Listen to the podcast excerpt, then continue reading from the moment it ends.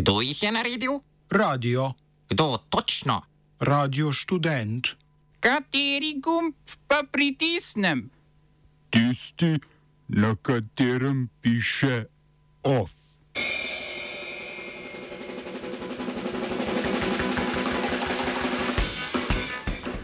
Kongresni odbor za preiskavo lanskega napada na ameriški kongres je soglasno priporočil kazenski pregon nekdanjega predsednika Združenih držav Amerike Donalda Trumpa. Odločitev odbora je prva predlagana kazenska ovadba zoper, zoper aktualnega ali bivšega predsednika ZDA. Odbor s tem poziva Ministrstvo za pravosodje naj Trumpa obtoži štirih kaznjivih dejanj: pozivanja k ustavi in podpiranja ustaje, motenja uradnega postopka, zarote za ogoljufanje ZDA in zarote za podajo neresnične izjave pred zvezdno vlado. Proti vodji republikancev v predstavniškem domu Kevinu McCarthyju in kongresnikom Scottu Perryju, Andyju Bigsu, Jimu Jordanu in Moju Brooksu pa odbor priporoča preiskavo kršenja pravil etičnega kodeksa. Odbor meni, da obstaja dovolj dokazov za obtožbo upletenih predstavnikov oblasti v napad 6. januarja, ko so Trumpovi podporniki, prepričani v goljufijo na volitvah in zlagan rezultat, udrli v kongres z namenom ustavitve procesa potrditve Joeja Bidna za novega predsednika. Odločitev odbora za pravosodno ministrstvo sicer ni zavezujoča, nanj pa se je že odzval Trump, ki pravi, da mu odbor želi preprečiti ponovno kandidaturo za predsednika ZDA.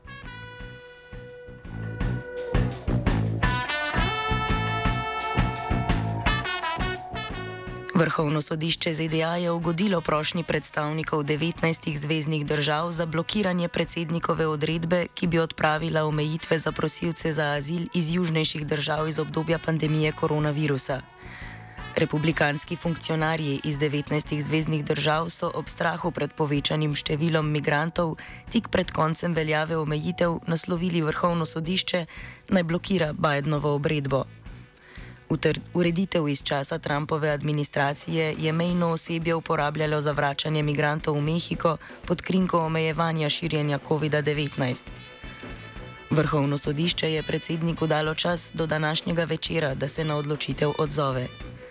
Bidenova ureditev naj bi migrantom zagotovila nekoliko več pravic, a bi še zmeraj morali ustrezati mnogim pogojem, da bi lahko zaprosili za azil, ostali pa bi bili zavr še vedno zavrnjeni in poslani nazaj proti jugu.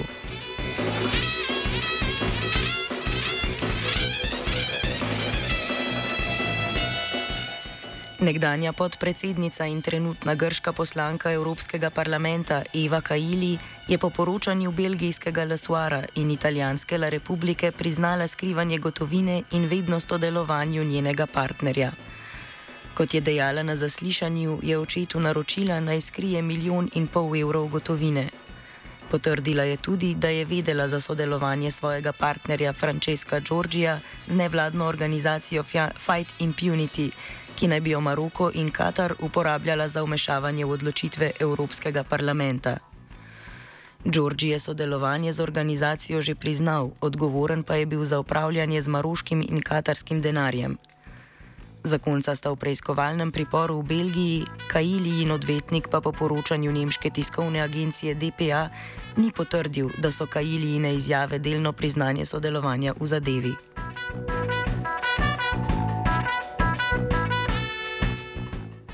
V Španiji je konzervativno usmerjeno ustavno sodišče preprečilo spremembe kazenskega zakonika. Te bi spremenile delovanje vodilnega sodnega organa, to je sveta vrhovnega sodišča, z namenom pospešitve imenovanja ustavnih sodnikov, kar bi dosegli z zmanjšanjem potrebnih glasov. Poleg tega bi bla, prinesle blažje kazni za nasilne proteste, kar zadeva predvsem katalonske separatistične politike. Odločitev sodišča onemogoča glasovanje o reformi v senatu in prekinja njeno obravnavo v parlamentu. Sodišče je o spremembi zakonika odločalo potem, ko je opozicijska ljudska stranka uložila zahtevo za zadržanje sprejemanja zakonodaje. Gre za prvo odločitev sodišča, ki ustavlja zakonodajni proces od sprejetja španske ustave pred nekaj več kot 40 leti.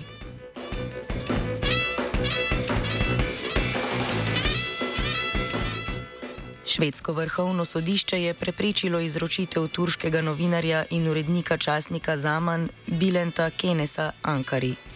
Turčija Kenesa obtožuje, da je bil upleten v državni udar leta 2016, švedsko vrhovno sodišče pa ugotavlja, da nekatere obtožbe zoper novinarja na švedskem niso zločini.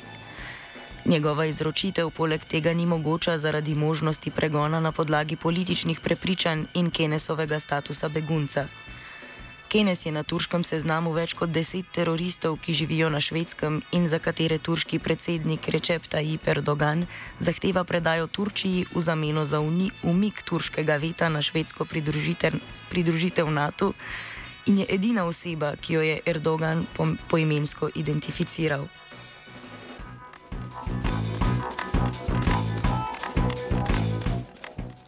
Komercialna banka Etiopije po več kot letu dni ponovno obratuje v Tigraju. Odprtje banke sledi podpisu mirovnega sporazuma med etiopsko vlado in tigrajskimi osvobodilnimi silami prejšnji mesec, ki je končal dvoletni spor v tej severnoetiopski regiji. Banka je po lastni utemeljitvi prenehala delovati zaradi nestabilnih razmer v severnem delu države. Največja etiopska banka bo odprla tudi ostale podružnice v Tigraju.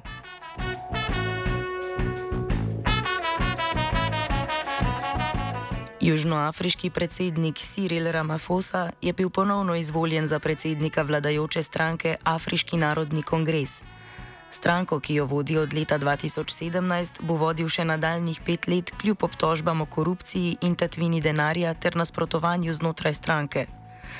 Ramaphosa je obtožen še utaje davkov in zadrževanja tujega denarja. Njegov edini protikandidat je bil bivši minister za zdravje Zveli Mkize. Izid pa je bil tesen, saj so predstavniki provinc, ki jih je Ramafosa v času pandemije zamenjal zaradi zlorabe COVID-nih sredstev, glasovali za Mkiza. Smo se osamosvojili, nismo se pa osvobodili. Naslednje število še 500 projektov izpiljene modele, kako so se strani nekdanje LDS rotirali. Ko to dvoje zmešamo v pravilno zmes, dobimo zgodbo o uspehu. Takemu političnemu razvoju se reče udar. Jaz to vem, da je nezakonito, ampak kaj nam pa ostane? Brutalni obračun s politično korupcijo.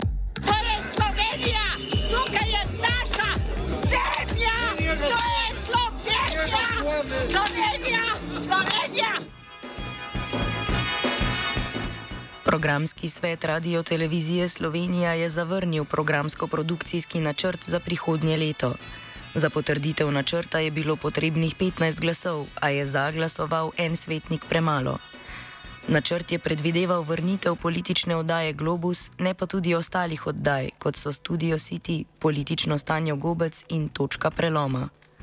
Svet delavcev je mnenja, da produkcijski načrt ni usklajen s programskim, ne, posebej neustrezen pa je za nje programski načrt televizije Slovenija, ki ne vključuje za gledalce privlačnih vsebin. Ob odsotnosti drugih predlogov vodstva RTV svet, pre, svet delavcev predlaga vrnitev že omenjenih oddaj. Predstavnik zaposlenih v programskem svetu Sašo Hribar je na seji utemeljeval problematiko zapostavljenosti delavcev RTV znotraj programskega sveta. Siti enega pravnega mnenja nisem naročil. Zakaj? Ker ga ne morem sem pa član programskega sveta. Ampak ta programski svet ni enoten. Ta programski svet je sestavljen iz dveh segmentov.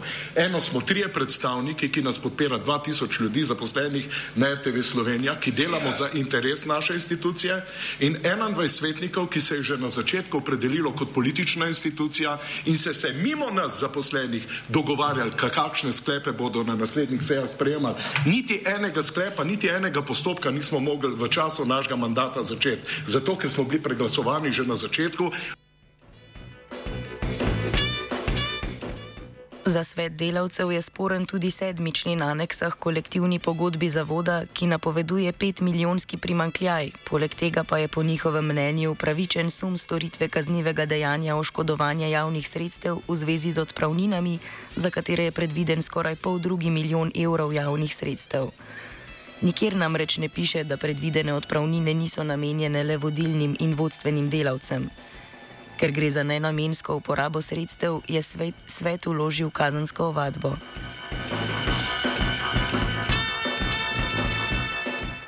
Gibanje osveščeni prebivalci Slovenije pod vodstvom pojočega majorja Ladislava Trohe so vložili pritožbo na poročilo o izidu treh referendumov. V obrazložitvi so kot razlog navedli po njihovem sporno prakso ugotavljanja volilne udeležbe. Ta se, kakor trdijo, preverja z volilnimi lističi še nekaj ur po volitvah ali referendumih, ko so volišča že zaprta, čeprav je iz volilnih imenikov znana že takoj po zaprtju volišč. Menijo, da gre torej za to, da, so, da se na voliščih dodaja vnaprej obkrožene glasovnice. O pritožbi bo na, v največ 30 dneh odločalo vrhovno sodišče. V primeru, da bi se odločanje zavleklo, se bo tudi začetek izvajanja zakonov o vladi, o RTV in o dolgotrajni oskrbi zavlekel v naslednje leto.